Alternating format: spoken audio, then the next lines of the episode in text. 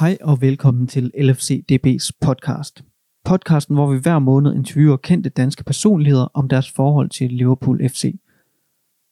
Den opmærksomme lytter vil nok bide mærke i, at jeg sagde hver måned, og at vi ikke har udgivet en podcast siden februar.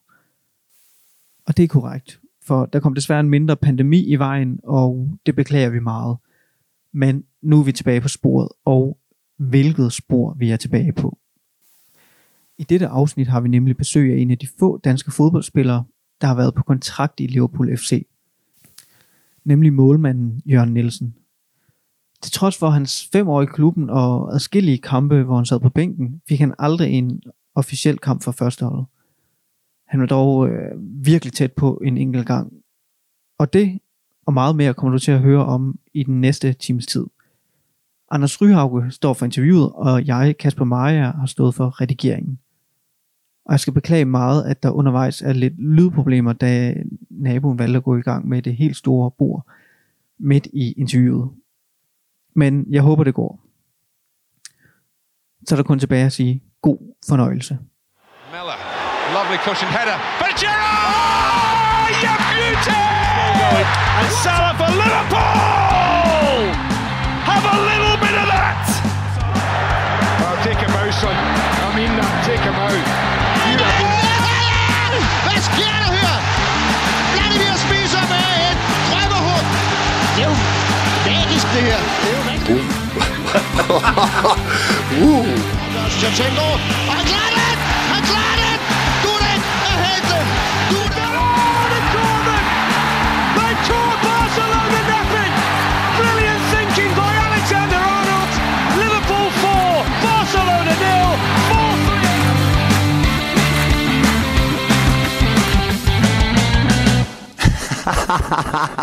Jeg Nielsen, i 1997, hvordan ser dit liv og din karriere ud på daværende tidspunkt?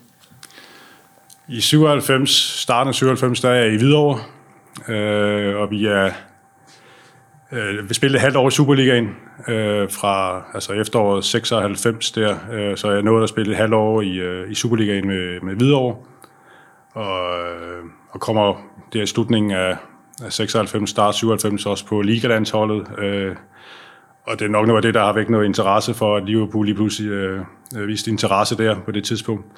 Så jeg får en mulighed for at komme på et træningsophold en øh, uge, øh, trial som det nu hedder, øh, i Liverpool der i, i januar 97. Hvad var sådan inden, at du bliver kontaktet af Liverpool, hvad var dine egne forventninger til den karriere, du jo, der stadig var sådan i relativt i begyndelsen? Ja, det var det jo. Jeg har jo kun øh, spillet Superliga i et halvt år, så det var jo selvfølgelig øh, lidt overvældende, og, og fordi pludselig blive inviteret til Liverpool. Øh, jeg vil sige, det var altid en, en drøm, jeg har haft selvfølgelig. Jeg har også været med på de diverse ungdomslandshold, øh, U16 og U19. Øh, så, så, så det var selvfølgelig en drøm, man havde også på det tidspunkt. Øh, men det er klart, at jeg havde spillet i lavere divisioner inden det, øh, og var så der øh, 5-26 år der øh, i 97. Så, så det var ved at være tid, der skulle ske noget, så det var, det var fint, de kom forbi. Hvordan, hvordan fungerer det, når, man, når Liverpool kontakter en? Hvem var det, der kontaktede dig? Jamen, det var ingen hemmelighed, at øh, jeg havde Michael Stensgaard som målmandstræner i, i Hvidovre på det tidspunkt, som jo øh, var kommet hjem og havde været i, i Liverpool nogle år. Øh, og så blev jeg af fodboldinvalid og var stoppet, og så startede op som målmandstræner i Hvidovre. Så det er da helt sikkert, at de også har forhørt sig hos ham, inden øh, de inviterede mig derover. Øh, og så kom jeg så sagt derover en uge, og det er vel det, der har været udslagsgivende for, at de tilbød mig en kontrakt i sidste ende.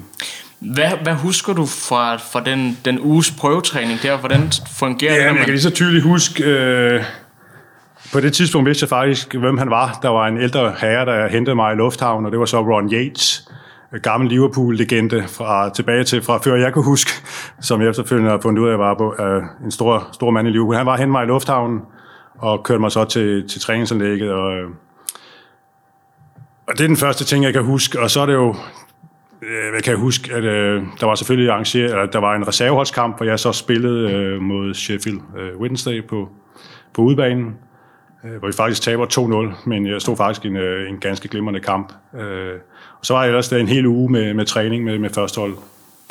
Hvordan fungerer det, når en mand som Yates han henter en? Fortæller han om, om klubben og så videre, eller er det meget sådan... Øh Ja, de, jo, han fortæller selvfølgelig lidt, når han kommer og henter mig. Ikke? Jeg skulle lige lære at forstå hans, hans dialekt sådan lidt først, så, når man kommer der øh, med skolengelsk. Øh, nej, så jamen, man bliver taget rigtig godt imod i en klub som Liverpool, og også den første dag på træningsbanen, der var ikke noget der, at John Barnes kommer hen og hilser på en, og, og så er man ligesom i gang, og så er det bare ude på træningsanlægget, og og nu er det sådan lidt anderledes med målmænd. Vi starter jo så meget sammen, starter målmændene op sammen, ikke? så der var jo ligesom de der 4-5 stykker, vi trænede sammen i, i starten, så det er ligesom dem, man lige i første omgang hilser på og er sammen med. Og, og min målmandstræner Joe Corrigan, øh, som var målmandstræner i Liverpool på det tidspunkt, tog også rigtig godt imod mig. Og apropos, at du lige nævner øh, dialekten, så så jeg, at du på et tidspunkt havde sagt, at det i virkeligheden er Sam Lee, der, der er sværest at forstå af dem, du har stiftet bekendtskab med. I hvert fald i starten var han. Øh, ja, han snakker så hurtigt og, og skavser, øh, så det, det er svært at forstå. Øh, men det hjalp dog trods alt efter nogle år. Jeg boede faktisk øh, siden af ham i en del år i lejlighedskompleks i, øh, i Liverpool, så øh, jo, men det, det går hurtigt en gang imellem, og, øh, og det er jo ikke skolingens det meste, der bliver sagt, så, så, men øh, nu var det så sat i fem år, så til sidst så begyndte jeg da at forstå de forskellige det, det synes sådan der. øhm, hvad sådan efter den, den uge var der, øh, altså hvad, hvad, hvad tilkendegav de? Øh, ja, de tilkendegav bare, at det var positivt, men ikke noget, at vi ville tilbyde en kontrakt. Det kom først, da jeg kom hjem efter nogle dage, så var det en mening, altså så snakkede vi sammen, og de tilbød mig en kontrakt, og så var der lidt forhandling frem og tilbage. Og så, tilbød, så da vi blev enige om, at vi skulle øh, øh, gå videre med det, så var jeg derover til en kontraktforhandling i, i Liverpool. Jeg kan ikke lige huske, om det var en uge efter, eller hvad det var. Øh, ret hurtigt, øh, hvor vi så var derovre en enkelt dag. Øh, og det faldt sammen med øh, famøse kamp mod øh, Newcastle faktisk, var det 4-3 på Anfield. Så den satte man og så om, om aftenen, og så dagen efter skulle man øh, kontraktforhandle, så det, der var ligesom øh, en rigtig god stemning, øh, og så det, var, det, det passede fint. Og lidt apropos den, fordi på davens tidspunkt var det jo David James, der var øh, første målmanden. Øh, og hvis jeg ikke tager helt fejl, er det efter den kamp, at han undskylder sig med, at han havde siddet og spillet øh, Playstation til langt ud på natten, og derfor ikke lige helt var så fokuseret. Jeg kan ikke lige huske, om det var... Ja, der var i hvert fald nogle perioder efter det. Jeg mener jeg faktisk, det var efter en Europacup-kamp i tappen på Strasbourg eller et eller andet, hvor han havde været ude med den øh, udtalelse der. Lidt uheldig udtalelse, kan man sige. Men der var det over så der i, i januar-februar, altså der var Liverpool jo tæt øh, i kamp om mesterskabet, hvor man kan sige, at han var lavet nogle, nogle kæmpe fejl der i slutningen af øh, sæsonen, som måske øh, sidste ende måske kostede Liverpool øh, mesterskabet den sæson. Havde du nogle betænkeligheder ved at... Altså, det er jo en stor klub, der kommer, men du ved jo også, at du ikke er automatisk første Ja, det vidste, jeg, det vidste jeg med det samme, og David James var også øh, landsholds, inde i landsholdsvarm i England på det tidspunkt. Jeg ved ikke, om han var første mål, men det, det var han jo i en overrække. Så det var helt klart, jeg vidste jo godt, at når jeg kom fra, fra Hvidovre, øh, at det var ikke en som, som første målmand. Øh, men jeg håber selvfølgelig på, at jeg kunne være med til at, at presse og, og, og, og, og ville få en chance med tiden.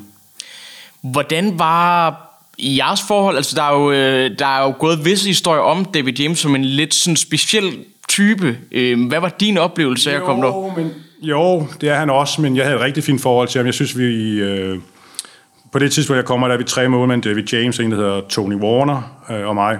Øh, jeg synes, jeg har det fint, og jeg er intet øh, også dårligt at sige om David James, hverken som øh, konkurrent eller noget. Der var ikke noget der øh, overhovedet.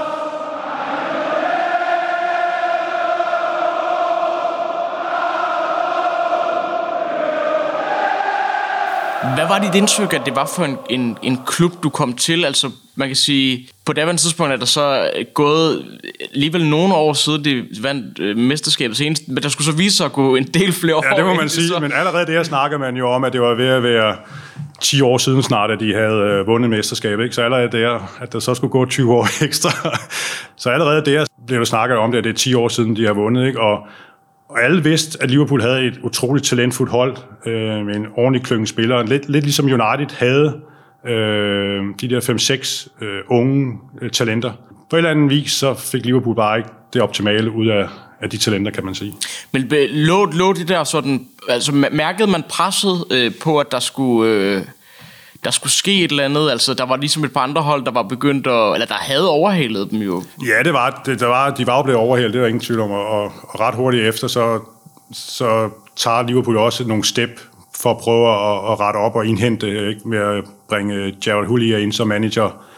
Jeg tror faktisk, det er et halvt års tid efter, eller efter jeg kommer til klubben, sådan cirka, at han så kommer ind i klubben. Så jo, man kunne godt, man kan, når man er i Liverpool og er i klubben, så ved, og man kigger på de gamle trofæer, og man helt, så selvom jeg faktisk ikke var decideret Liverpool-fan, inden jeg kom til klubben, øh, så, kunne man, så kan man mærke, at man med det samme, hvad for et pres der er, for at der skal vindes noget.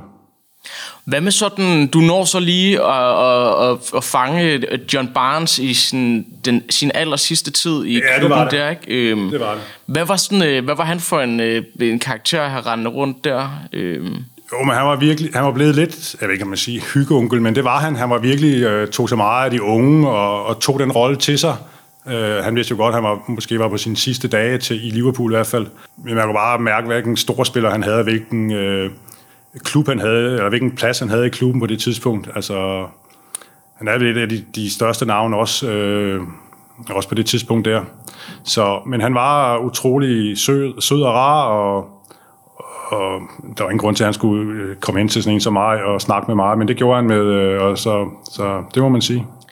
og det er jo så Roy Evans, der, øh, der henter dig til klubben, Ja, ikke? det er det. Øhm, hvad, sådan, hvad, var din, hvad var din oplevelse? Hvad husker du sådan fra at, at møde ham og have ham som... Nå, men han er en, også en utrolig gentleman og behagelig fyr, øh, og det var måske også noget af det, der måske øh, gav bagslag for ham. Altså, øh, så heller ikke noget dårligt at sige om ham overhovedet. Rigtig flink og gentleman og opfører sig ordentligt og, og behagelig fyr. Og, og, men der manglede måske lige det sidste for at sætte sig igennem over for den her øh, ordentlige talentgruppe, der var af spillere og, og, og også øh, stjerner efterhånden i, i Liverpool. Øh, og som vi måske også kommer ind på, så, så var Liverpool stadigvæk træningsmæssigt 10 år tilbage øh, på det tidspunkt, hvor jeg kommer over det første halvår, hvor det var Roy Evans, Ronnie Moran, øh, som jo var havde været en del af det gamle boothroom i, i Liverpool-tiden.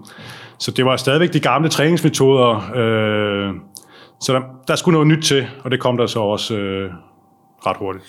Fornemmede du, at man var bagud øh, allerede da du var der, eller var det først, kan man sige, da Hulier kommer ind, at du kan se, der er en tydelig forskel? Øh, Der, der- bliver en tydelig forskel på træningsmetoderne øh, og, og den daglige træning, når Jared Hullier kommer ind. Øh, så det, det, det gør der. Øh, og jeg var måske også lidt chokeret over nogle af træningspassene, når man altså, trods alt selv fra, fra Superligaen af, øh, samtidig øh, kunne der tre dage træk bare blive stillet to små mål ud, og så blev der spillet småbold, øh, delt øh, tre hold, og målmændene, vi rendte også og spillet ud nogle gange, efter vi har haft målmandstræning, og så blev der bare spillet småbold, og, og på et lille område med små mål, øh, men det går nok ikke i længden. men man kan sige, de, de, de tager jo så også konsekvensen ikke så lang tid efter at ændre det. Men var det, fornemmede du, at der var sådan... Øh, der var lidt tvivl om projektet, eller hvad, i klubben, da du kom der til? Åh, det ved jeg ikke, om jeg kan sige så meget. Noget jeg nok ikke før øh, Hulia kom til, kan man sige. Men der kom jo på det tidspunkt, begyndte der også at komme udlandske spillere. Øh, Patrick Berger var vel en af de første, sådan, som rigtig kom efter EM i England der i 96, var det. Ja. Og øh, der kom, samtidig med mig kom der en del norske spillere, som var vant til en helt anden træningsmentalitet og træningsmetoder, så det begyndte også ligesom at, at ændre klubben, og så, så kom Jared Hullier så med det, som det sidste øh, skridt, og, og begyndte at bringe endnu flere europæiske spillere ind, øh, som var vant til en lidt anden træningsmetode. Øh, stort set øh, samtidig med, at du sætter din øh, ben i Liverpool, der får både Michael Owen og øh, Jamie Carragher begge to deres øh, sådan debut inden for, for relativt Det er rigtigt, ja. kort tid. Ja. Øhm, hvordan, altså, hvad, hvad husker du fra de to? De var jo meget unge spillere på daværende tidspunkt. Det var de begge to, øh, og nogle år senere så er det så øh, Jaguars tur til at komme op fra Academy, det kommer måske ind på, men Michael Owen var meget hype om fra dag et af stort set. Øh, Carragher var det måske de første år lidt mindre øh, hype om. Øh, det kan man så sige, det har han så bevist efterfølgende. Han er blevet, hvor mange år han nu snået at spille for Liverpools første hold, ikke? men i starten var han ind og ud, ikke? men Michael Owen, der kunne man se, der var altså, noget specielt fra starten af, og jeg kan ikke engang huske, scorede han i sin debut eller sådan noget, det gjorde han vist nok. En spinkel fyr, lille fyr, som bare var lynhurtig og god afslutter, ikke? Øh, så det var meget sjovt at stå på siden og se, øh, at de kommer op fra akademiet, og så øh, slår igennem der. Også fordi jeg tror sådan, at øh, altså hans efterfølgende ryg ry og under de klubskifter, han gjorde og sådan nogle ting, har, har nok også gjort, at man sådan på en eller anden måde glemmer, hvor god han var der. Altså fordi han var jo øh, meget, meget ung, 17 år eller et eller andet, da han kommer igennem. Øh, og bliver jo i sine to første fulde sæsoner i Liverpool, bliver en del topscorer i Premier League. Øh, altså sådan, du, du oplevede ham også til træning og sådan nogle ting. Altså, hvad, hvad, var det, hvad var der med ham? Hvad var det, han kunne? ja, men han var for det første bare lynende hurtig og kunne se dem øh, glide af på modstanderne, selvom han var så lille, så de kunne ikke... Øh, altså, og så var han en god afslutter. Øh, ikke sådan specielt hårdt spark eller noget, men placerer den. Stille og så var en med en med målmand, eller hvad han nu var. Men når han først fik den, så kunne de ikke følge med ham. Men desværre, allerede i Liverpool-tiden, hans sidste tid i Liverpool, begynder han at få mange problemer med sit baglov. Øh, med fiberne. Også måske fordi altså, han havde han var så hurtig og sprinter, ikke? Så, og når du så først får problemer med dine fiber i baglovet, så det var det, han kæmpede med resten af øh, sin karriere. Og nåede måske ikke op på hele de højder igen, som han var de første eller de år, han var i Liverpool. Mm. Både i Real Madrid, og hvor han så var i Newcastle, han var også i United jo, men øh, han kom aldrig rigtig helt tilbage til det niveau, han, han, han, han, øh, han var berettiget til. Øhm, jeg tænker, vi sådan vender tilbage til nogle af, nogle af de her spillere også, øhm, og nogle af de andre spillere også. Var, Der er nogle meget interessante spillere, der også var på daværende tidspunkt.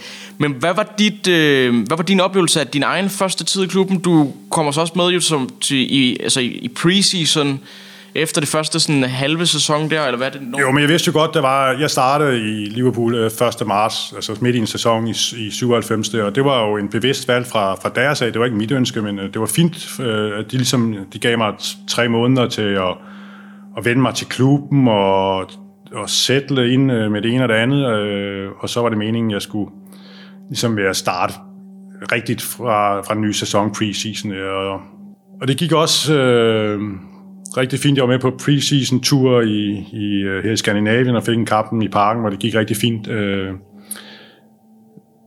derefter går der en uge eller 14 dage efter vi kommer hjem, så får jeg øh, brækket om på foden og er ude i, i en måned, og det, det ødelagde simpelthen bare den chance, jeg måske har haft for at presse rigtig meget på for, for J.V. James. Så allerede bare den kamp, jeg fik i parken, begyndte de engelske aviser at skrive om, faktisk, øh, at der var, nu var der kommet ind i, nu ind i en, en, en, der kunne presse David James, og, men så blev jeg simpelthen sat tilbage, og så kom jeg aldrig, øh, fik jeg aldrig chancen igen, ligesom. Og så henter Liverpool også øh, Brad Friedlich, for det ikke ja, det, er, jeg tror, det er Julia, da han kommer ind, tror jeg, at det er en af de første, han gør. Så kan jeg jo godt se, så er vi lige pludselig fire, og, og David James og Brad Friedel, øh, og Brad Field er en god målmand. Man ser jo også efterfølgende, at han har stået i, han stod i Premier League i, i, jeg ved ikke hvor mange sæsoner, til han var næsten 40 år, ikke? både i, i, i uh, forskellige klubber, Tottenham, Aston Villa, hvor han ellers stod hen. Det er jo så den sæson, man besluttede sig for i Liverpool, at det ikke skal være Roy Evans, der skal være træner alene, eller manager alene. Han får ligesom en makker i form af Gerard Houllier. Hvordan, hvordan, øh, hvordan oplevede du det? Jo, men det er jo... Ja, det, er jo mærkeligt. det var en mærkelig konstellation, og det fandt man jo også ret hurtigt ud af. Øh, jeg tror ikke, det gik mange måneder før, at øh, man øh, blev enige om at opsige med Roy Evans. Ja, men det er et eller andet sted måske i den tid typisk Liverpool, at man ikke bare smider Roy Evans ud, men prøver ligesom at, at se, om man kunne finde en, en god løsning med at, at få en hjælper udefra, der ligesom kunne inspirere til den mere europæiske måde at træne på og, og men det var to verdener, tror jeg. Ikke at øh, de begge to yderst behagelige mennesker, og, og, men, men med så vidt forskellige indstillinger, eller ikke indstilling, men øh, metoder og, og træningsmetoder og det andet, så det, det gik bare ikke. Og det, øh, jeg er ikke sådan, at man kunne mærke det som sådan. Det, det mærker vi jo ikke ud på, på træningsbanen, men man, selvfølgelig mærker man lidt, at, at det er mærkeligt, at der står to, der skal bestemme. Øh, og hvem så den ene siger noget, den anden siger noget. Hvem, hvem, altså, hvem har det endelige, det endelige ord, kan man sige. Ikke? Øh, og det, det får ret hurtigt en afslutning. Ja, der, der er formentlig en øh, årsag til, at man sjældent ser de der konstellationer ja, der. Ja, så det, øh, øh, det tror jeg ikke, man prøver igen. I hvert fald så stopper han jo Ravens, øh, og Hulier bliver den eneste øh, manager. Hvordan, øh, hvordan oplevede du hans første tid i klubben? Jo, man kunne godt mærke, at han selvfølgelig skulle ind og, og, og rette en hel masse op. Øh, og for det første vendte de, øh, øh, de engelske spillere, eller dem, der havde været i klubben mange år, til nye træningsmetoder, og, og ret hurtigt bringer han jo også masser af nye spillere ind, ikke? så der var selvfølgelig en del, man kan sige, uro i starten, øh, tilvende en ny træner, ny spillestil, meget mere taktisk øh, præget manager øh, med nogle bestemte Øh, øh, altså taktiske øh, ting, som han gerne vil have ind i på, på holdet, som man ikke har været vant til før. Men alligevel så prøver han jo også at holde tradition i, Liverpools spil med det, man siger pass and move. Øh, så, så det, det prøver han, altså, så, han har også respekt for den klub, man kommer til, øh, og det havde han også, øh, så det var også, han prøver ikke pu, pu, øh, fuldstændig at, øh, men der bliver meget mere taktisk træning, og, og også mere taktisk approach til, til kampen, end hvad der havde været før.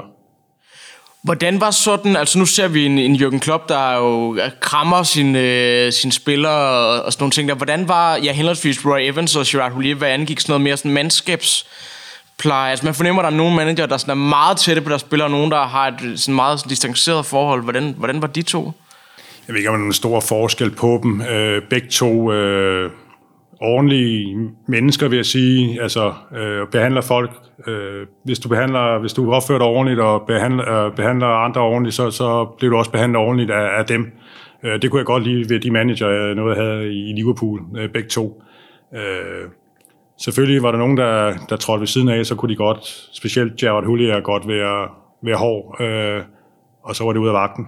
Øh, så, men gjorde man ikke det, så, eller trådte man ikke ved siden af, øh, så, så, så, så, så, så var han en, en fin, mand, øh, fin manager.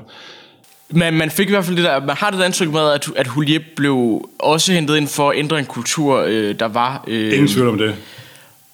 Der, du, du oplevede det ligesom, så du kan svare på, hvor meget der er, sådan, øh, er sandt af det, og hvor meget der ikke er, men det er jo i hvert fald, det er jo derfra, man også kender hele den Spice Boys øh, øh, tiden der fra midt 90'erne og, og lidt slut 90'erne der. Hvor meget var der, øh, hvor meget var der reelt i det? Altså, hvad var det for nogle... Det var meget de der engelske spillere, der, der, der fik det, det, det ry?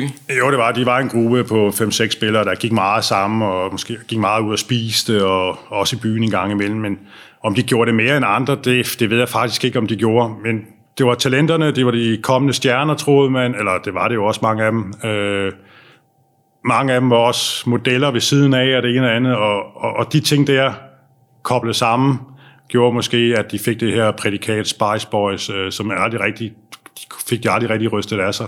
Så det har der hængt over klubben der, øh, og det var jo også... Øh, øh, der, de var jo også, da Gerard Houllier kom til. Øh, men vi har så splittet lidt op, kan man sige, så mange af dem faktisk blev i, i Liverpool en del år.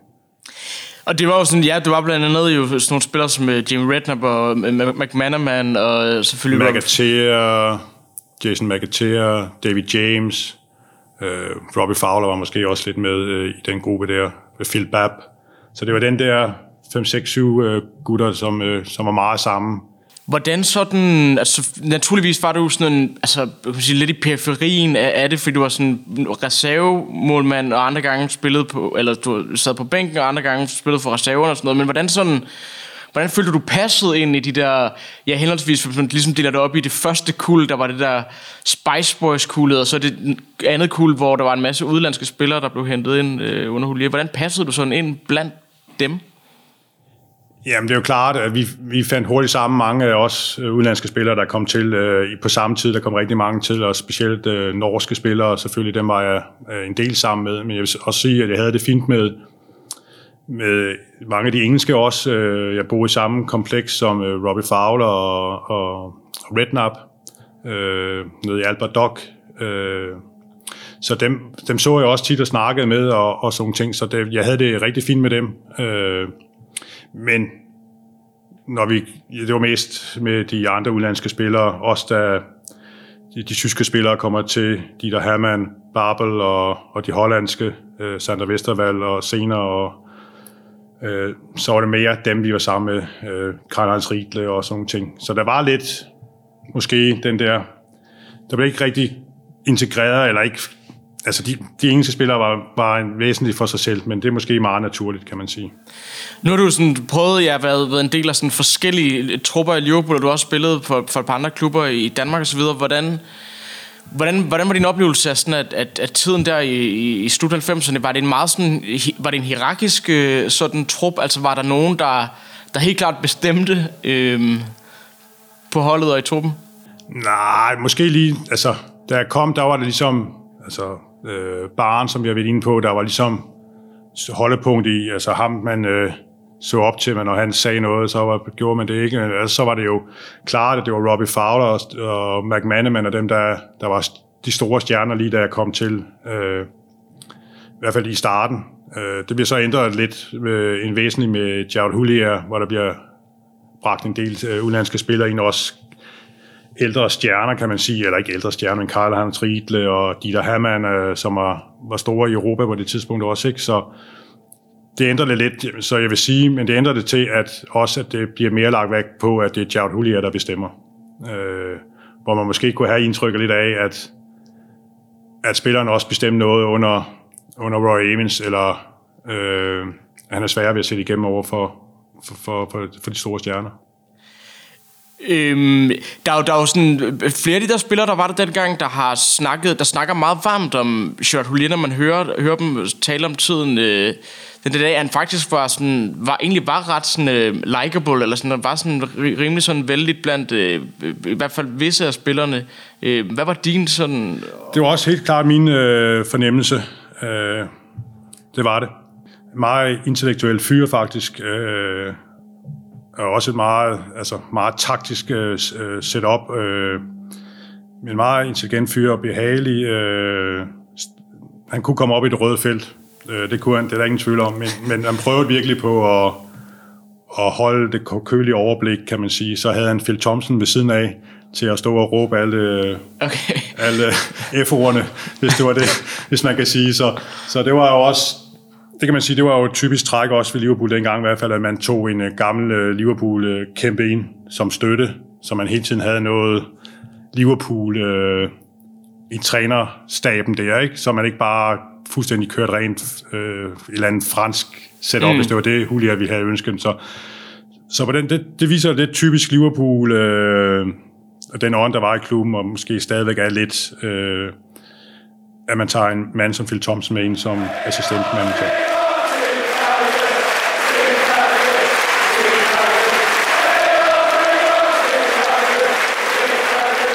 Og hvad man har jo sådan lidt sådan fornemmelse af, at spillere som øh, Robbie Fowler, Carragher, der godt nok var helt ung på det tidspunkt, men også er sådan nogle lidt... Øh, nogle, nogle spasmager måske, eller sådan, kan, kan lave lidt... Hvordan, var de, var de det, eller var de top seriøse, når det, eller hvordan sådan, var din oplevelse med dem? Jo, men det er mærkeligt med, at de nævner de to der. jo, men det var det. De, de kunne godt lide en uh, practical joke, eller det kunne være, når vi sad og spiste, eller det kunne være ude på træningsbanen og sådan nogle ting. Så, så det var jo det var fint, uh, at der også er lidt plads til det, ikke? Uh, Carragher viste sig så også efterfølgende at, være en, at blive en stor stjerne i Liverpool, hvor vi var jo også, ikke? Men de, de, man kunne godt mærke, at de var, hvis man nu har været i Liverpool masser af gange, øh, skavser, ikke? Øh, som sjove og behagelige, også samtidig, men elsker en, en god joke. Øh, og det var de også, det var de bestemt også til. Og du var jo en, en, en del af holdet på det tidspunkt, hvor det her meget famøse jubelscene Robbie Fowler laver i en, et Merseyside derby, hvor han øh, vælger at sniffe øh, baglinjen, øh, efter at Ja, han var blevet beskyldt for, øh, eller Evertons fans kørte en eller anden form for smedekampagne mod ham, ikke? Og så, øh, så, så vælger han som sit modsvar at, at sniffe baglinjen. Øh, hvilket ikke gik ubemærket hen. Jeg ja, tror også, han fik sig en øh, relativt lang karantæne. Ja, det gjorde han nok.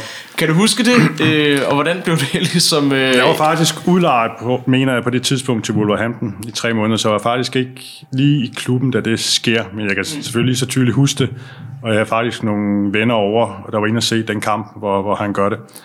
Øh, men det var helt klart, det var... Men hvis man kan sige noget, så er det bare typisk Robbie Fowler at, at, at, at komme op med sådan en ting der. Øh, og så kan man sige, hvor politisk korrekt det er, eller et eller andet, mm. et eller andet sted, så, så kan jeg kun øh, smile af det og sige, det er en meget god øh, practical joke, han kommer op med det, eller hvad man kan kalde det. Øh, jeg ved godt, det måske ikke er noget, man gør i, og med fjernsyn og fans og det ene eller andet, men øh, det, var hans, det var hans måde at, at være på, og hans svar på at, at give igen. Ja, ja. Og hvad, nu nævnte du selv det der med, at du var, var udlejet, og du var også på et tidspunkt i, i, i IKAST øh, på, på lundophold. Hvordan var, sådan, ja, hvordan var livet for dig der i de, de par sæsoner der i slut 90'erne? Hvad sådan... Jo, men det, da jeg kommer til Liverpool, får jeg en, eller jeg har en treårig kontrakt til at starte med. Øh, og jeg var jo lige kommet omkring landsholdet, øh, og det ville jeg jo gerne prøve at, at, at ligesom beholde øh, mit navn varmt ind i den del af det. Øh, der var et VM, der var øh, forestående og sådan nogle ting, så jeg prøvede jo på, da jeg ligesom kunne se, at jeg ikke kunne komme på, øh, eller da jeg ikke havde udsigt til spilletid i Liverpool, øh, blandt andet at tage hjem til IKAST i, i nogle måneder op til, der skulle udtages et landshold. Så det var da klart, at, at det var noget, man tænkte på, øh, og ret hurtigt kunne jeg godt se, at jeg stod som, ikke som nummer to i rækken i Liverpool, øh, med Brad Friel kom ind og, og J.V. James, at, at der var lange udsigter til en øh, til plads der. Og så jeg tror, det er efter det, at jeg på et tidspunkt... Jeg tror, det er faktisk, jeg har 8-9 måneder tilbage i min kontrakt, jeg får mulighed for at komme til Wolverhampton. De har brug for, de var tæt på at komme i øh, playoff, og det havde kun én målmand, om jeg ville ned og, og være der. Øh, og gør det faktisk rigtigt. Altså, jeg spiller ikke på første hold i Wolverhampton, men jeg øh, vil reserve, hvis der skulle ske noget, hvis de kom i playoff, og spiller så faktisk en del reserveskampe for dem, og gør det faktisk rigtig godt, og de tilbyder mig faktisk også en øh, kontrakt, eller vil, vil, vil gerne øh, overtage mig for Liverpool, men Liverpool siger så nej. De forlanger nogle penge. Øh, det er det eneste, og det er også nævnt før, tror jeg, hvor jeg føler, at Liverpool måske ikke lever op til det, de, de, de øh, sagde på forhånd. Inden jeg tog til Wolverhampton, havde jeg fået besked på, at jeg ikke ville koste noget. Hvis, hvis, det var, hvis det ville signe mig, og det kom jeg så lige pludselig til alligevel. Så du var egentlig klar på daværende tidspunkt til at... Ja, på, da, på daværende tidspunkt havde jeg måske ikke... Øh, det kunne jeg måske godt have fundet på det. Det bliver så ikke til noget, så er jeg så et halvt år eller det omkring tilbage i Liverpool og, og spiller faktisk nogle, nogle rigtig gode kampe på reserveholdet i min sidste halve år af min, den første kontrakt. Øh, og så tilbyder de mig faktisk øh, en toårig forlængelse øh, øh, efter det. Når man står for reserveholdet, hvor meget er dit indtryk, at der er, hvor meget følger Hulier og så, så, så videre med i, hvordan... Jeg vil ikke sige, at han er der hver gang, men næsten hver gang er han øh, selvfølgelig øh, næsten at se dem. Øh, ellers så er assistentmanageren i hvert fald der, men de fleste gange, så vil jeg sige, at Hulier også var på tribunerne. Selvfølgelig ikke, hvis vi spillede langt væk øh, i Birmingham eller andet, så var det ikke altid, han var der. Øh, men ofte så var han der. Øh, og tit så var der jo også en eller to, tre stykker, som var på vej tilbage fra skade, eller hvad ved jeg, som, altså førsteholdsspillere, som var med, som skulle tjekkes ud, så så, så, så der var... Det var... Jeg føler at på et eller andet sted, at det, var, det blev taget dybt seriøst i, i Liverpool og, og på det her reservehold. Og alle de unge spillere, de, de vidste jo godt, at hvis man ikke gjorde det godt her, så fik de jo heller ikke nogen chance for at, at bryde igennem senere. Og apropos unge spillere, så er det jo i øh, 98-99, at øh, en vis øh, Steven Gerrard øh, bryder igennem øh, for sin debut. Kan du, øh, hvad kan du huske fra, fra sådan ham og hans... Øh, kunne man se, der var en kommende stjerne? Ja, helt klart. Øh, jeg kan huske, at jeg på et tidspunkt, jeg tror førsteholdet var ude på et eller andet, jeg ved ikke om det var ude spille i Europa, hvor jeg ikke var med. Så alle var væk, så også der var tilbage, jeg skulle ned og træne med akademiet. Og vi spillede det ned, og man kunne bare, der var bare en. Jeg, jeg kan lige så tydeligt huske det, at øh, en, der fuldstændig var niveau over alle andre på akademiet og så går der et halvt år eller andet, så, så bryder han så igennem på første hold. Øh, øh, det, det, var, det var, han var ekstraordinær, selv på, på, på det tidspunkt. Hvordan var han sådan... Øh, hvordan var han som type? Altså, så... Jamen, også meget, ligesom, man, man, ligesom det indtryk, man er, har af ham efterfølgende, hvor han var altså, kaptajn for Liverpool, og og også efterfølgende som manager.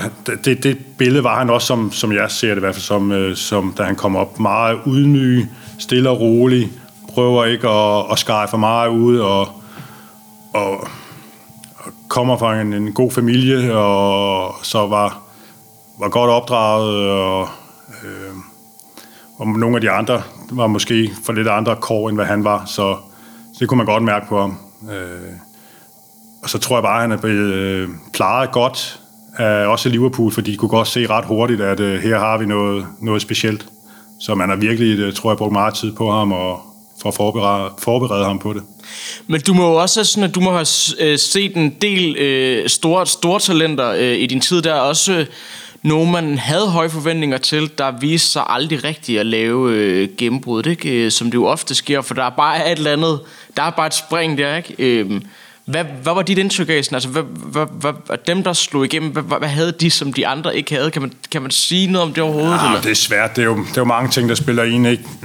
Men Gerrard havde jo selvfølgelig lige fra dag et af den her fandenske voldsked på, selv ud på de forskellige træningspas.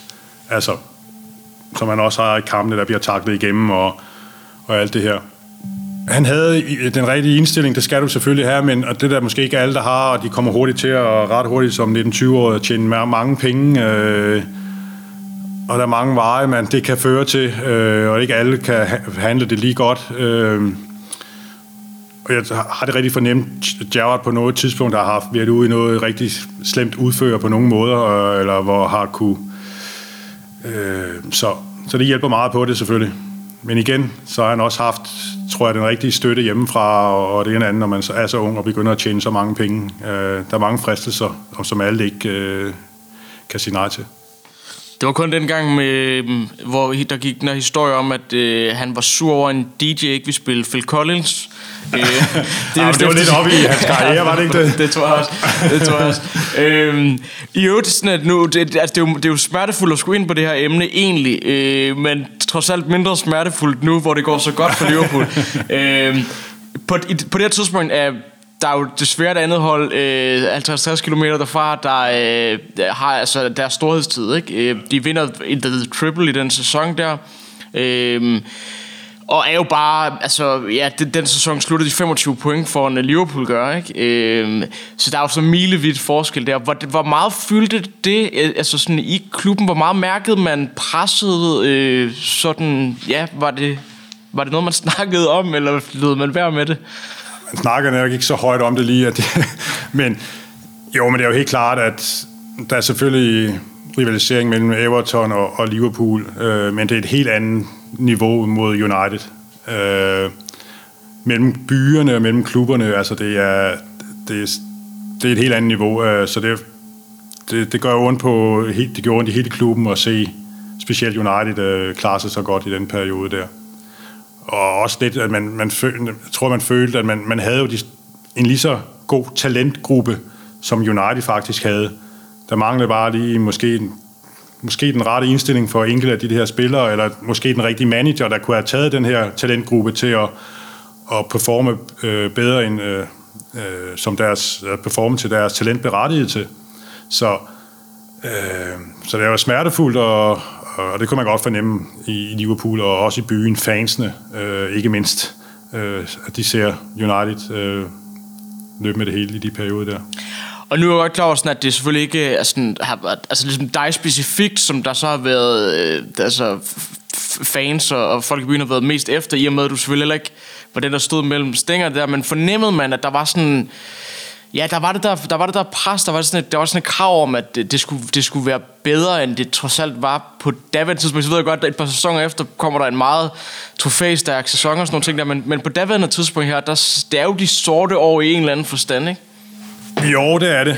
Øh, men jeg tror også, at klubben også godt vidste, at det var ikke bare noget, man gjorde fra, fra dag i dag, da Julia kom ind trods alt.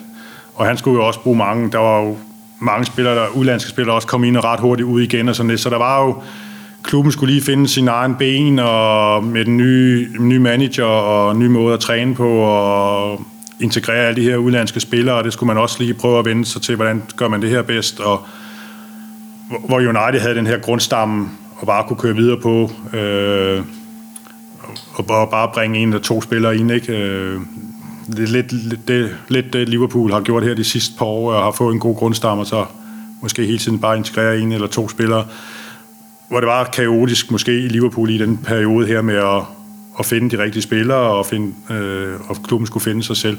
Men alligevel følte man også, at man var, altså man var, man var stadigvæk på vej fremad et eller andet sted, øh, følte man også, fordi man, klubben var godt klar over, at det var ikke noget, man gjorde fra dag 1 til dag, mm. øh, dag, dag 2. Øh, og Julia fik jo også en del år øh, i klubben, øh, kan man sige. Øh, så om jeg ikke troede på det, så tror jeg, han var øh, fået sparket, blev sparket mm. ud hurtigere. Eller han, jeg ved ikke, han blev ikke engang sparket ud, men han... Det var, mm.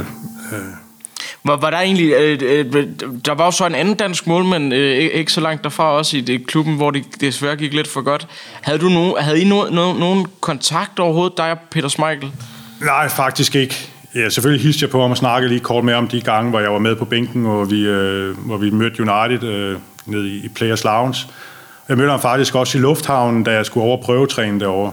Øh, og han sagde, han sagde bare, vi snakkede lige kort, det eneste, jeg kan lige huske, han sagde til mig, du, slår, du, kommer, du får aldrig slået JB James af. For de, eller de, nej, det sagde han ikke, han sagde ikke sådan. Han sagde, de skifter ham aldrig. Mm. Øh, fordi han var landsholdsspiller, og, øh, og var faktisk på mange måder en, en fantastisk målmand. Øh, han var stor, atletisk, stærk, hurtig, men manglede måske bare lige det sidste øh, for at blive en, øh, faktisk en, en klasse, klasse målmand øh, på, på niveau med, med Schmeichel måske. Han manglede den enkelte ting øh, i sit spil, øh, måske at, at lige det der med at træffe den rigtige beslutning på det, det rigtige tidspunkt. Øh, hvis han havde kun det, så er han også øh, en, en, øh, en klasse målmand. Hvad bliver egentlig sådan din rolle øh, i de år der, hvor du sådan, ja, på nogle tidspunkter er anden målmand, andre tidspunkter er tredje målmand og sådan noget. Hvad, hvad, hvad er ens rolle? Øh, det, man tænker også over det nu her, når man ser sådan, altså Adrian har godt nok øh, fået nogle kampe og sådan noget, ikke? men når man ser nogle af de andre spillere, der også øh, træner hver dag, men, men jo aldrig spiller. Desværre dengang, så skiftede man ikke lige så meget ud i de forskellige øh, pokalturneringer, som man gør i dag, hvor man ser at det stort set hele reservehold, der spiller Carabao Cup i dag, ikke? Øh, øh, det var det desværre ikke på samme måde dengang, så har jeg forhåbentlig fået nogle, øh, nogle kampe. Men det er da klart, man kommer jo ind i en rolle i sådan en klub, øh, og, og min, jeg skulle have haft chancen inden for det første halvår, eller derefter den første preseason sæson der, hvor jeg desværre, hvor jeg følte, jeg havde fået lagt pres på, og så vrikke om og væk en hel måned og blev fuldstændig sat tilbage.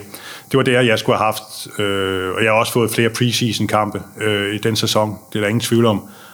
Og nu kan jeg ikke lige huske øh, tilbage, hvordan Javis James gjorde det lige i starten der, men havde jeg ikke vrikket rundt, så tror jeg, jeg havde fået måske have fået chancen, det, det, men det er vist og vis, ikke? Men øh, det var i hvert fald det, at chancen var størst. Så kommer Brad Field hurtigt ind og sådan noget, så kan man ligesom fornemme, så ryger man en tak længere ned, og man kan se, at varen er lang. Og så kommer man ind i den der øh, rolle, som man nu får i klubben, når man så er ved den rolle et års tid. Så det var jo som reservemålmand, og, og nogle gange, det kan man så sige, var heldig for mig i den periode, hvor Brad Field var der. Det var, der var det med, var det, man måtte ikke have mere end tre ikke-EU-spillere mm. på, eller hvad det var. Så jeg fik en masse af kampe på, på bænken, Søren Bradfield, så, så var det måske David James, der stod, øh, og så var det mig, der var på bænken. Søren Bradfield var foran meget i rækken, kan man sige, mm. men, men så for han ikke skulle tage en plads, så, så fik jeg øh, masser af kampe på bænken. Så på den måde var jeg meget ind over holdet faktisk, og var med på de forskellige ture, var altid med til Europa, øh, lige meget hvem der stod, for så var vi to eller tre målmænd afsted, så jeg kunne ikke andet øh, end at, at træne så godt som overhovedet muligt. Jeg er sådan meget pligtopfyldende og professionelt anlagt, synes jeg selv, og så, så bare med at gå på den til træning. Ellers havde jeg ikke fået tilbudt en kontrakt til, hvis, mm. hvis jeg ikke havde været uh, top-professionel på den måde. Uh, hvis jeg havde været, altså, jeg havde forstyrret træning, eller ikke gør det, man skal, og sådan nogle ting. Så, så det var også en af årsagerne til, at jeg fik uh, tilbudt en kontrakt til. Det er ingen og så er der jo så, at, at i, i 99-2000 er jo der, hvor du kommer aller tættest på at få spilleminutter. Oh, det ja. kommer vi ind på lige om lidt. Men i hvert fald så, øh, der sker ret mange ting på det, på det her tidspunkt. Det er her, hvor han ligesom for alvor begynder på sin, sin, sin sit projekt, Julie. Han, Mark Manneman ryger til Real Madrid, Paul Ince ryger, David James øh, forsvinder, og ind kommer der så en altså, række spillere, som Sami Hybia, Vladimir Smitser, Titi Kamada, Anxio, Vesterveld kommer ind, Didi Harman kommer ind, Emil Heske kommer også ind, men der er, men, men der er mange øh, udlandske spillere her, der kommer ind. Ikke? Øh, hvad, hvad var det sådan for en forandring, der skete, og hvad, hvad var det spillere, som ja, Hyppia og så videre kom ind og, og gjorde ved, ved truppen?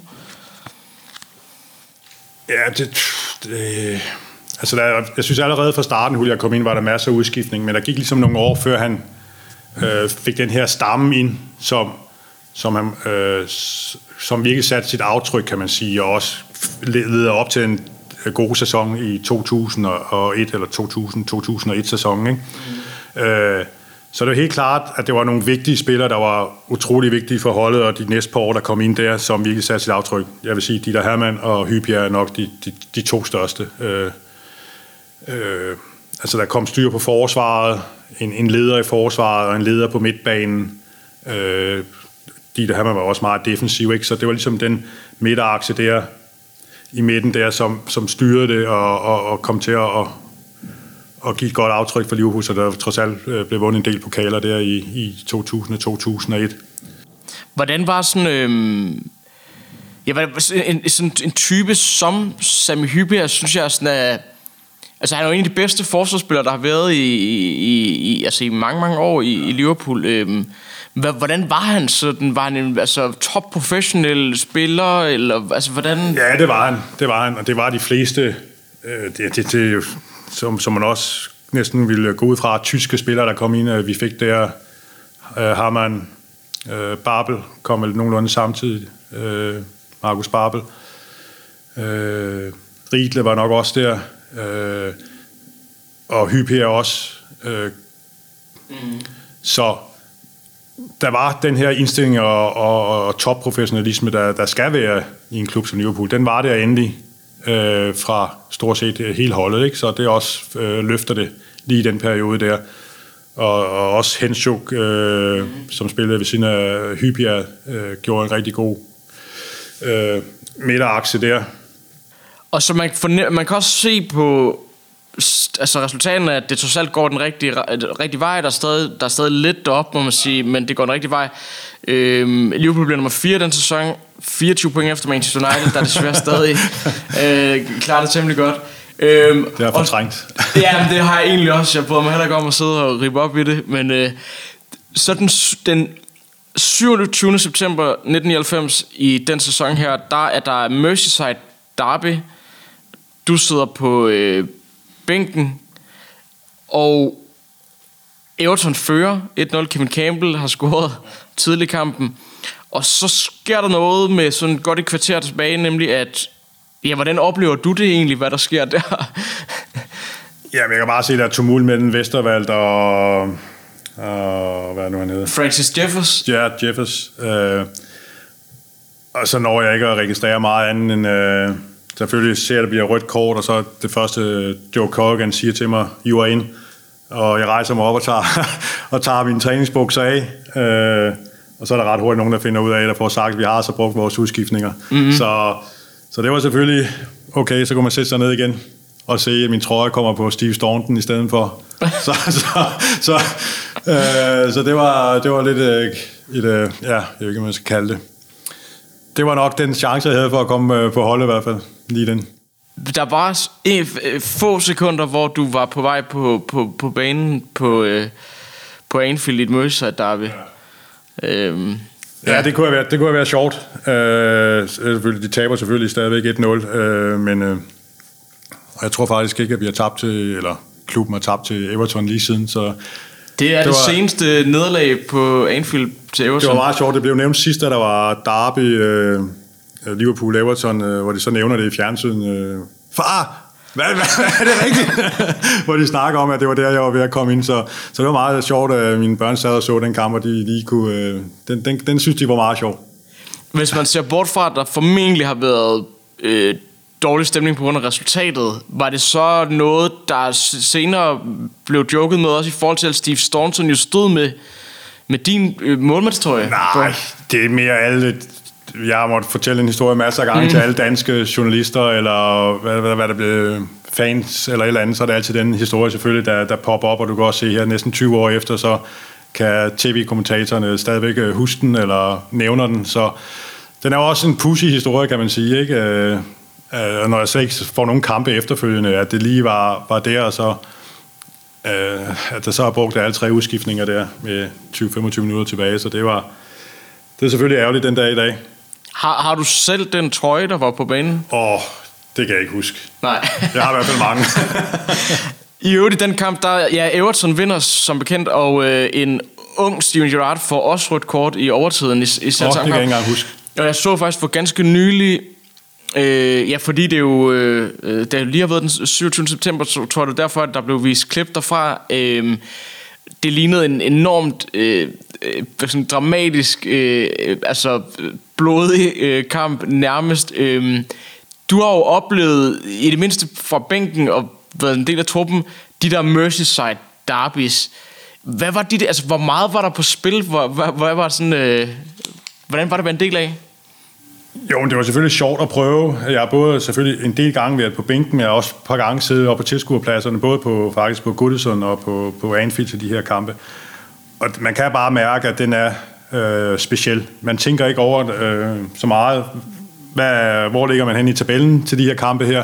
Det er simpelthen bare den kamp, man ikke vil tabe. Øh, og måske kan man vente om, det er måske den kamp, Everton helst vil vinde, mm. øh, mere end det Altså mm. for, for, for Liverpool, i hvert fald i mange år, var det det, der kunne holde Evertons sæson op, og mm. fansene for Everton. Hvis de bare havde slået Liverpool, så var det jo stort set lige meget, hvor, hvordan de slutter. Og det, og det var det jo ikke i Liverpool, der var det overordnet selvfølgelig. Selvfølgelig ville man da gerne vinde derbyet, men der var det jo mere det overordnede, hvor man lå hen, og hvor man endte hen i tabellen til sidst. Ikke? Så der var selvfølgelig den der forskel, men, men jeg har virkelig været, øh, jeg har virkelig været vidne til nogle kampe, hvor der bliver gået til, og det synes jeg også, der gør den dag i dag. Øh, nu kan man så sige, at det snart næsten er 20 år siden, øh, vi har tabt til Everton. Øh, på Anfield i hvert fald. Øh, så, så jeg ved ikke, om den er ved at, at Everton-fansen efterhånden er ved at opgive den lidt. Men nu, nu er der også sket mange udskiftninger, eller store udskiftninger i Everton efterhånden med mange udlandske spillere, så det, det gør måske også, at de ikke har den helt den samme historik som det her for 10-15 år siden, hvor det var meget engelske spillere på, på begge hold, som vidste, hvad det her derby gik ud på, men, eller stod for. Øh, men det er virkelig nogle... Der bliver sat ekstra igennem på taklinger, det kan vi jo også, det ser vi også, har vi set masser af gange efterfølgende. Det må man sige, men hvordan, hvordan det, altså, du spiller som Gerard eller, eller Carragher, eller, eller hvem der ellers var øh, på daværende tidspunkt, hvordan, kunne man, kunne man fornemme på dem, at det var en, en, det var en vigtig kamp, altså øh, vigtigere end så mange andre? Ja, det, det kunne man på alle, synes jeg. Mm. På hele klubben, trænerne og, og, og, og spillerne selvfølgelig meget for de spillere, som er opvokset i, i byen. Øh, men jeg vil så også sige, det er jo de 90 minutter, øh, jeg har aldrig set nogen roligheder nogle steder. Jeg har hørt alle mulige ord, der bliver råbt, og fansene står, og, og, men når kampen er slut, og man går ud igennem loverne, så, så er der en, der har håneretten til, til næste gang, og så er det jo det, så er det smådrillerierne hjemme i familierne, på arbejdspladserne, og, og øh, og hvis der er nogen, der er gode til at argumentere, så er det Everton-fans, altså, fordi de, de har været vant til at være underdog, og, og, og så... Så de har, de har nogle gode forklaringer? De har gode forklaringer til alt. øh, og, og, nogle af mine bedste venner er faktisk uh, Evertonien, uh, af dem jeg stadigvæk tager over og besøger, og, og jeg kender ikke nogen, der kan forklare om fodbold, og, for, og forklare hvorfor og hvordan og hvorledes. Øh, så det har de nok lært øh, efterhånden, når de øh, har været underdog i så mange år. Øh, Udover det, så er, er der jo ikke... Altså, men det er selvfølgelig på banen og på de 90 minutter blandt fansene der, men jeg føler også, når de så går ud af loven, så, så er det mere den der, man, man håber bare ikke, at man øh, taber, så man bliver mobbet og drillet næste halve år. Hvordan var dit forhold til fansene?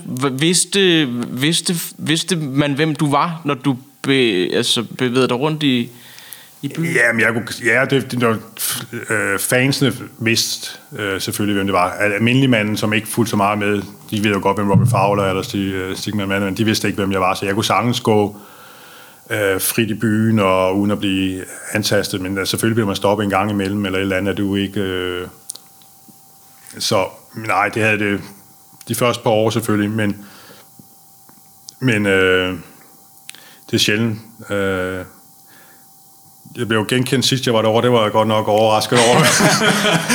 jeg satte i taxaen der, og are you not, are you, are you the... Ja, det var, så, det, så det er utroligt, hvad man som siger støder på. Der er simpelthen en lille taxachauffør, ja, der, der kunne genkende. Ja. Øh, fedt. Jeg ved ikke, om jeg har kørt mig hjem i en koger på et eller andet tidspunkt. det må være det. Øhm, hvordan i det hele taget... Øhm, altså, Liverpool er jo, er jo ligesom en by, der gennemgik meget store øh, forandringer fra... Ja, især slut 80'erne, start 90'erne og op til midt 0'erne, slut 0'erne, hvor det begyndte at være øh, en, en helt anden by, end det havde været. Øhm, hvordan var det at bo der der sådan slut 90, start 0'erne? Faldt du godt til byen? Hvad, hvad, hvad var det for en by? Ja, det, gjorde, det gjorde jeg. Altså, jeg har... Ja, det, det gjorde jeg. Øhm, altså, jeg synes, at Skavs og, og er et utroligt øh, hyggeligt folkefærd og utroligt hjælpsomme, øh, åbne, sjove, har en, en god øh, humor også, øh, øh, som vi har herhjemmefra, synes jeg. Øh, jeg har fået nogle rigtig gode venner i byen, som, som var hjælpsomme øh, fra dag i dag, øh, som ikke har noget med fodbold at gøre. Øh, så, men man kunne selvfølgelig godt mærke, at der var områder af byen, som var virkelig øh, slidte, øh, og, og øh, som at helst ikke bare skulle bevæge sig ud i faktisk. Øh, øh, og der er sket meget. Øh, selvom man kommer der hver år stort set, så, så har man virkelig kunnet fornemme her de sidste ja, siden øh, 2000 er virkelig sket meget. Øh, hele havnefronten. Øh, Albert Dock var allerede sat i stand, dengang jeg var der, men alt andet var stort set bare lukket af ud mod øh, vejen, øh, Dock Road, med øh, afskærmning, hvor der sker hele tiden noget, ikke? Og, og bymidten er, er der virkelig sket meget. Øh, og de var europæiske kulturby, øh, jeg kan ikke huske, hvornår det var, men og det, det satte også masser af investeringer i gang i byen, så der, der er virkelig sket noget. Øh, men du, det er stadigvæk kæmpe områder i Liverpool, hvor man, altså, hvor man har de der arbejderkvarterer, hvor, hvor det er et helt andet øh, måde at leve på, end, end vi har herhjemme. Fornemmer man det der med, at der er jo, der er jo mange skavser, der, der betragter sig lidt som i opposition til sådan, øh, det mere sådan det sydlige England og sådan nogle ting, og de, de, altså, de betragter skavser som, som, som nogle andre. Øh, fornemmede man det, øh, at der var sådan det der modsætningsforhold? Ja, det, det gør man, og specielt hvis jeg har været, altså jeg, jeg fornemmer det mere den anden vej faktisk, når, mm. hvis man er ude øh, og møder nogle mennesker et andet sted i, i Europa, eller hvad der er, siger, møder nogle englænder og siger, jeg har, og så taler de altså ikke pænt om, mm. altså hvis det er folk fra London eller sydlig England, så, så har de i hvert fald nogle fordomme om folk fra, fra Liverpool og, og fra, fra Nordengland, og måske specielt fra, fra Liverpool. Så det er der ingen tvivl om. Du nævnte selv, øh, at det er jo også en, en, en klub, en by, der har haft nogle øh, tragedier. Øh, jeg ved ikke, hvordan det var dengang, men var, man, var, man, var der der også Hillsborough Memorial en gang årligt? Det var der årligt. Øh, jeg, jeg, jeg, jeg ved ikke, om jeg faktisk er gået væk fra det her sidste par år, eller hvad, men øh, vi var til det hver år. Øh, ja, næsten ja, ceremoni, altså på stadion. Hvordan? Ja, hvor, alle, hvor vi alle var der, og hvor der også var præst øh, på stadion øh, og sådan nogle ting. Så, så, så det kan man jo godt fornemme stadigvæk, og, og alt det, der er sket efterfølgende med retssagerne og det ene og det andet, uden jeg er, er specialist i det, altså hvor meget det betyder for byen, for fansene og også for klubben. Øh, så selv her, så mange år efter, øh, er en stor i klubben.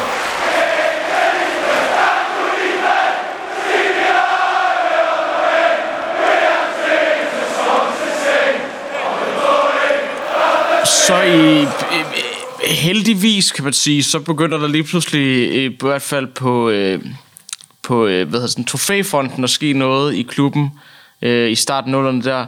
Øh, og Liverpool går jo ind i en af de mest trofærige øh, sæsoner, der har været.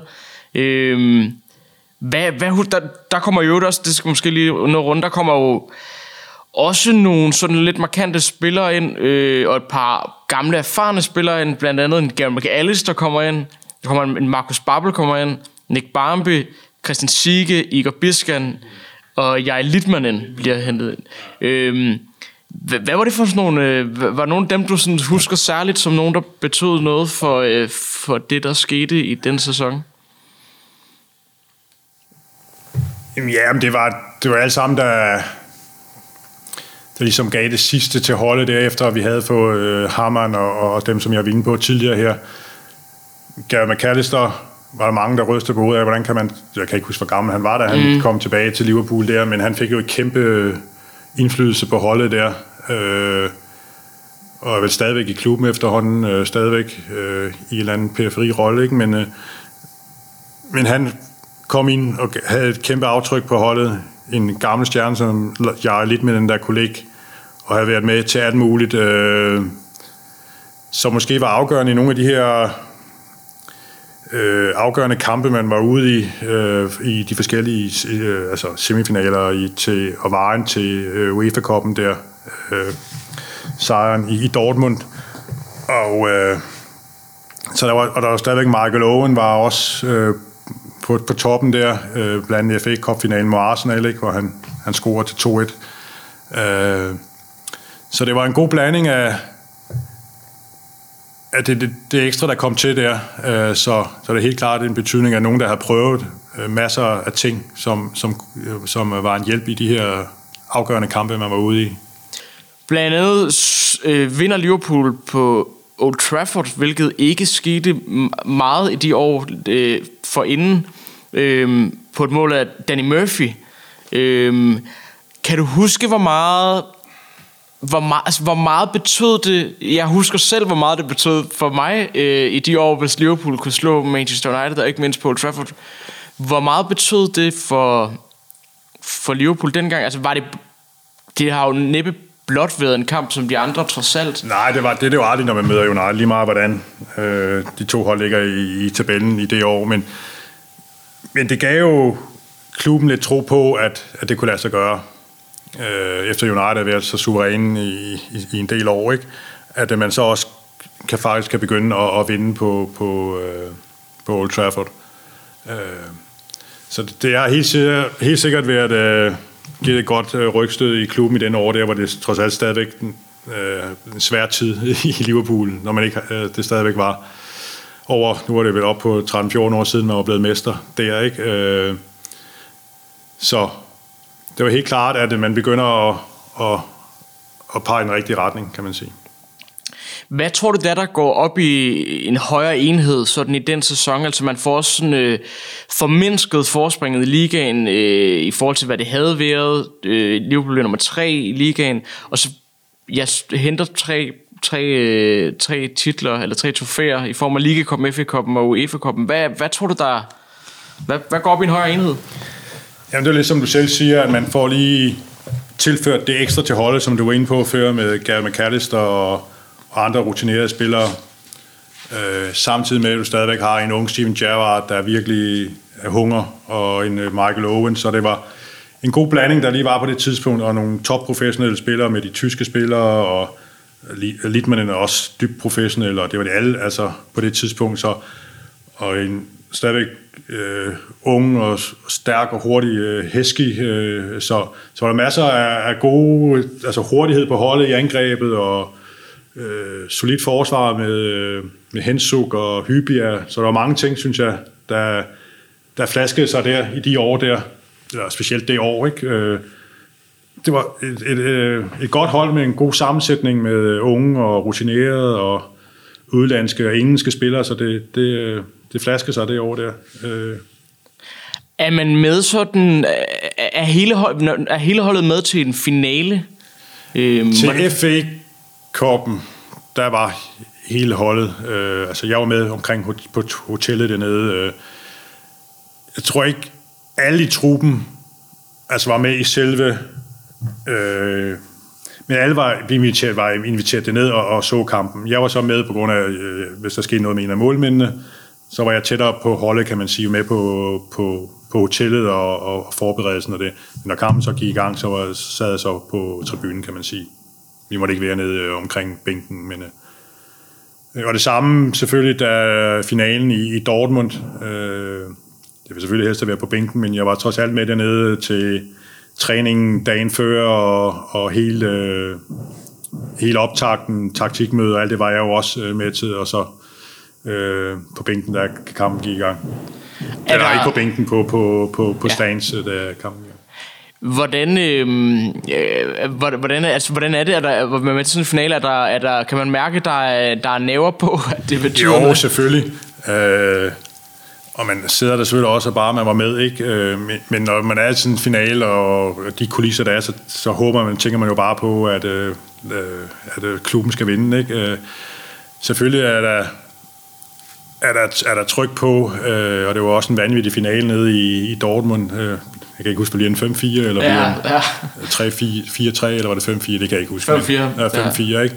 Så det var jo en fed kamp at være med til, og øh, så og alle fans, der var dernede, og, og også øh, FA Cup-finalen i, i Cardiff var også meget speciel, øh, fordi det var længe siden øh, klubben havde stået i sådan en finale, så, så halvdelen af byen var vel mere eller mindre kørt til Cardiff, ikke? Øh, så, så man kunne virkelig, det var virkelig sjovt, øh, og efterfølgende også, øh, da vi kommer hjem, har vi jo sådan en øh, bustur rundt i byen, ligesom da de, kom, da de har vundet Champions League her.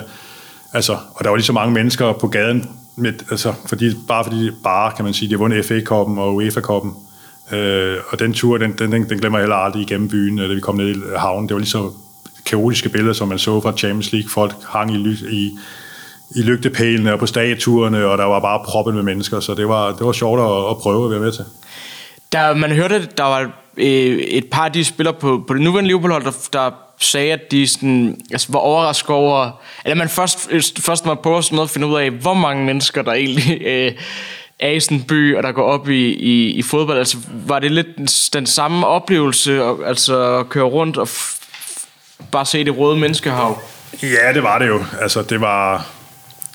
Det, jo, men det var det selvfølgelig, var det det, jeg snakker om. Der var en halv million ude på, på gaderne eller et eller andet. Ikke? Det var, altså, der, og vi kørte jo gennem hele byen i øh, forskellige byområder. Der var folk ude alle steder, ikke? så det var jo meget specielt. Øh, Hvordan er det egentlig...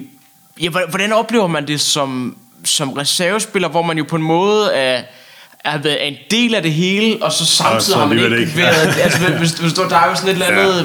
Hvordan, er, hvordan er det?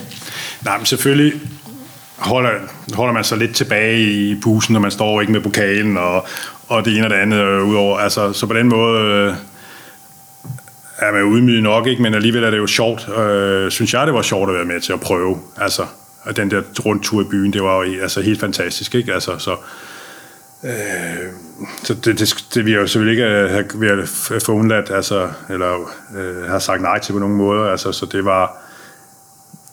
Øh, men det er selvfølgelig igen det der med, at man er tæt på, øh, uden at, og så alligevel langt fra, ikke? Og sådan er det jo den tid, min tid i Liverpool. Øh, øh, og det, ja, det, det har jeg selvfølgelig tænkt over mange gange, ikke? Men det kan man jo ikke øh, lave om. Jeg tror ikke, at vi har lavet det om som sådan, når man stod i det. Øh, øh, var, altså, havde man fået den ene chance der, havde de gjort det godt den ene kamp, øh, så, så aner man jo ikke, hvad det var blevet til, vel? Øh, øh, så det er selvfølgelig en, en svær en, øh, men jeg har jo, været- og det er måske også øh, klubben, jeg er blevet behandlet så godt i klubben, og gode venskaber, det ene andet uden for fodbold, og dejlige by at være i, og, og Øh, så jeg, jeg tænker faktisk ikke tilbage på med, jeg tænker kun tilbage med, med glæde på, på min tid i Liverpool, og det var en sjov tid. Øh, sådan er det jo med verden, den kan gå gå mange andre veje, hvis det lige havde flasket sig. Øh, så det er der jo ingen grund til at bruge for meget tid og kræfter på, men selvfølgelig tænker man en gang imellem over det. Så det var ikke sådan, at du vi ønske, du øh, aldrig var taget afsted og havde Nej, det tror jeg ikke. Jeg tror selv den i dag, vi havde sagt, altså, øh, hvis jeg, man får aldrig øh, tilbudt to gange for Liverpool, det tror jeg ikke på.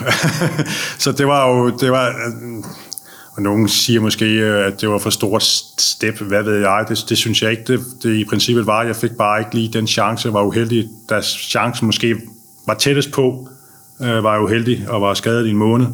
Ellers så, så havde jeg måske fået chancen, og så... Men jeg er heller ikke mere... Øh, jeg har da også selvindsigt, når jeg så øh, David James og Brad Fiedler træne med dem. Altså, så, så var det jo en hård konkurrence, synes jeg selv. Øh, og man ser jo også, at Brad Fiedler står 10-15 år i, eller hvor meget han gør i Premier League. Så, så det må man jo også bare erkende og sige, altså når man er i sådan en klub. Øh, jeg har nok fået chancen hurtigere, eller øh, hvis man har været i en mindre Premier League-klub, eller hvad ved jeg, øh, hvor man nemmere og hurtigt kan give en, en ung, ung uprøvet spiller en, en chance. Så, så det, men sådan er det. Mm. I, i, det, i det, der sådan bliver din, din, din sidste sæson, der, der henter man jo lige pludselig to målmænd øh, ind øh, på nogenlunde sam, samtidig i Chris Kirkland og Jesse Dudek. Hvordan øh, fornemmede du der, at så var løbet måske kørt? Eller ja, men jeg tror ikke allerede, jeg kan ikke huske, hvornår de kommer ind, men det er da klart, altså Vesterberg, han står i hvert fald der i et sæson, ikke? Mm-hmm. hvor de vinder de her tre pokaler. Øh, og der er jeg så selvfølgelig godt klar over, at altså, ved at være, det vil altså, nu det være, når den her kontrakt udløber, så, så, så er der nok ikke mere i, i Liverpool. Øh, øh, men det var lidt af et, jeg var lidt overrasket over det, de, øh, kan man sige, henter to så gode målmænd ind på en gang. Øh, man kan sige, at de har haft en god sæson, men man er åbenbart ikke tilfreds med, med Vestervald øh, og henter måske en af de største talenter på det tidspunkt, Køkland ind, ikke? og så en erfaren, øh, erfaren, det ved ikke, om var, men øh, Dudek ind også. Øh. Hvordan var sådan, øh, øh, hvilke af de tre målmænd synes du var, var den dygtigste af dem, du, du, du nåede at se oh, med? Det er svært at sige, ikke? men det var i hvert fald en mærkelig periode. Jeg tror, på det tidspunkt var vi samtidig fem målmænd til, til træning, til målmandstræning. Ikke? Så det var lige, det var, det var for meget. At de tre der, det er svært at sige. Jeg, jeg synes aldrig, Kirkland fik vist, eller fik, fik det på, ud af sit uh, talent, som han gjorde. Jeg ved ikke, om han blev ret hurtigt skadet, eller hvad han gjorde, og måtte kæmpe nogle ting. Uh, han havde nogle ting i sig, synes jeg. Dudek var jo god på sin måde, men, men synes jeg ikke passede til engelsk fodbold. Han skulle ned og spille i uh, Italien eller Spanien, eller noget af den stil, hvor han kunne sprælle rundt og, og ikke gribe boldene. Han greb jo aldrig en bold øh, uden at fornærme ham, fordi han var god til det, han var god til. Han var lynende hurtig, øh, så smidig, som man også skal være som målmand, og, og, og, og kunne lave nogle fantastiske ting, og var også med til at vinde Champions League. Ikke? Øh, men jeg synes ikke, han passer ind til engelsk fodbold, hvor, hvor, de ikke har, hvor de ikke ser specielt godt på at, at sprælle for meget rundt, men det er bedre og, og en stabil, god øh, målmand. Øh, så bedste valg, ja, han havde også nogle svagheder, men er som sagt med i den sæson, hvor vi, de vinder alle de pokaler her i et, ikke? så det, det er svært at sige. Jeg synes ikke, det var ikke nogen af dem, der var løsningen på det problem, som man Liverpool har haft i så mange år, øh, lige fra øh, Bruce Grobbelaar og med J.V. James, og så, så har Liverpool jo hele tiden haft det her målmandsproblem, øh, som som alle har gerne vil skrive om. Ikke? Så jeg føler ikke rigtig, at det bliver løst, før Reina rigtig kommer til. Øh, hvor der kommer, jeg kan ikke huske, 4-5 år med, med rimelig stabil målmand på, øh, som ligesom har lagt lidt låg på det.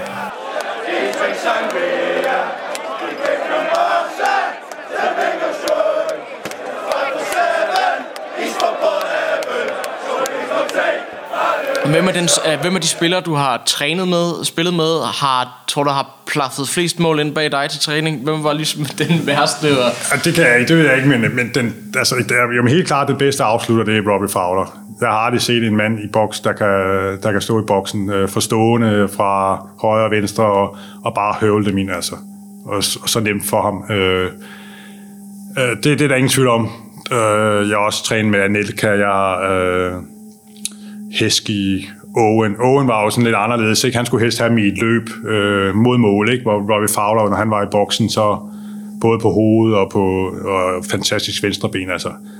Øh, det, var, det var en fornøjelse, når han, øh, ikke fornøjelse at stå over for ham, men, men øh, at se ham øh, sparke dem ind. I, jeg tror jo, at jeg vil lade mig øh, inspirere af øh, Jamie Carragher, der jo, laver, der jo har sin, øh, sin egen podcast, hvor han øh, nogle gange snakker med nogle af sine tidligere holdkammerater, hvor han altid beder dem om at sætte en, en five-a-side med de bedste spillere, man har, øh, har trænet med, øh, spillet med. Øh, nu har du ikke haft nogen tid til at tænke over det, men hvis, man, hvis, hvis du skulle vælge øh, sammensætte din five-a-side med spillere, du, øh, du spillede med din, din, din Liverpool-tid, hvem, hvem tror du, vi, vi er inde på det? Oh. Ja, det, altså...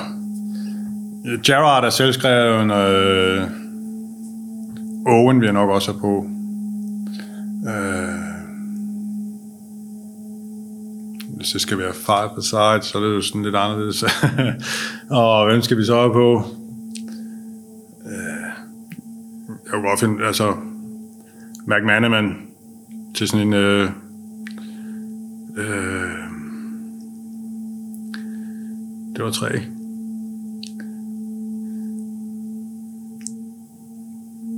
Ja, jeg vil nok også have fagler med. Og måske en... Øh, en... Øh, jeg ved ikke, om det skal være en Dieter Hammeren, eller så sådan lidt forskellige positioner. Øh, jeg er lidt, men kunne jeg også forestille mig kunne være fantastisk på et mm. øh, fra hold. Øh, øh, kan simpelthen holde i bolden, og utrolig svært at tage, tage bolden fra øh, jeg er lidt, men en, han var måske ikke så hurtig i sin sidste tid på, i, i Liverpool der, men og, og også en, en rigtig god afslutter. Øh, så det er nok de, nogle af dem, mm. der står, står øverst. Det er også nogle ganske udmærkede spillere. Ja, det synes jeg da. og hvad sådan, for ligesom at runde det af, hvad, hvad bliver sådan udslagsgivende for, at din Liverpool-tid slutter? Ja, men som du selv var inde på før, så lige pludselig var der rigtig mange målmænd, og, og så har jeg også været i klubben fem år, ikke? og jeg var også de, også de sidste to år, der, kan man, der, da jeg skrev under på den sidste kontrakt der, de to år, der vidste jeg jo godt, hvad for en rolle jeg havde i klubben, og jeg har sagt ja til. Øh, jeg kan da ikke gå afvise, at hvis de havde lagt en toårig kontrakt foran mig igen, så har jeg nok sagt ja til det også, men, men det var lå slet ikke i kortene. Øh, så det var tid til at, at komme hjem af øh, efter fem år, øh, og hvor det som sagt jo ikke, desværre ikke blev til nogen officielle kampe, øh, men en dejlig tid. Så det var tid til at komme hjem af, og da jeg tog til Liverpool, øh, var jeg lige kommet på bachelor på min uddannelse øh, øh som kan polit. Så der var også et eller andet, der lå og spøgte der, som var på, på tid, inden det, inden det hele forsvandt op fra, fra, fra hukommelsen, så, så det skulle jeg også hjem og i gang med. Hvordan kigger du tilbage på din tid den dag i dag? Er der, er der sådan snart af fortrydelse over noget, eller er det grundlæggende en god tid? Hvad sådan? Jamen, som vi var inde på før, som vi var inde på før så, var det, øh, så tænker jeg tilbage nu, så lang tid efter, øh, på en fantastisk tid, øh, og prøve at være en del. Altså, der er mange, der ikke rigtig kan forstå, altså, forstå hvad, hvad det, hvordan sådan en klub fungerer, ikke? når man hører fans snakke og det ene og det andet. Og, og det er jo også sådan, som det skal være. Men når man så har været i det, så og ved, hvordan øh, mekanismerne er i sådan en klub og sådan ting. Øh, det, det er sjovt at prøve. Det er sjovt at være en Liverpool og, og så specielt nu, ikke? de her år, hvor det er så sjovt. Øh, folk snakker jo stadigvæk med mig, der ved, at jeg er Liverpool, og med Liverpool i, dag, ikke? Og, og sådan ting. Så det er, jo, det er jo sjovt. Nej, jeg fortryder det ikke på noget tidspunkt. Selvfølgelig, når man står i det, øh, så vil jeg gerne have haft at der lige var partnerting, der lige var gået min vej. Øh, det gjorde det ikke. Men selvfølgelig øh, har man lige fået den ene kamp, øh, og så, så er det så været noget andet. Så har man i hvert fald haft chancen. Øh, det er mere det. Jeg siger ikke, at jeg var blevet, hvis jeg har fået chancen, jeg så var blevet fast med en Liverpool i fire år. Det er ikke det, jeg siger, men det kunne godt være, at man havde, i hvert fald havde været der i, i øh, et halvt år, eller hvad ved jeg, har fået en del kampe, eller øh, øh, jeg tror som sådan ikke, jeg oplevede først, jeg var på noget tidspunkt kunne blive øh, først øh, målmand i mange år. Altså, der, der må man også bare kende, der var nogen, der var bedre øh, til en klub som Liverpool. Men, men udover det, så når man ser, hvad der er andre, der har fået lov til at spille så mange kampe på, i, i målet på, på Liverpool, så, så kunne jeg også godt have. Og du, øh, du siger, at du stadig følger... Du følger ikke specielt meget fodbold egentlig, men du følger... Nej, jeg følger med sådan i periferien i fodbold, og så øh, følger jeg Liverpool, øh, selvfølgelig. Øh, hver eneste kamp, stort set, ser vi øh, derhjemme. Øh, jeg ser, øh, og jeg tager til Liverpool en til to gange om året i hvert fald, og, øh, og ind og se en kamp, og besøge venner, besøge byen. Elsker at komme i byen. Øh, så det har sat sit spor. Øh, min søn er født i Liverpool, så det betyder også øh, lidt, sådan lidt, lidt sjovt forhold. Øh, som sagt, vi har masser af venner i, i, i byen, som... Øh, men nej, jeg, jeg ser stort set kun Liverpools kampe, men øh, det er jo også rigeligt med alle de turneringer, det er de med i, så, og det er jo en dejlig tid at være Liverpool-fan. Det må man sige. Tak fordi du øh, har lyst til at være med. Det var så lidt.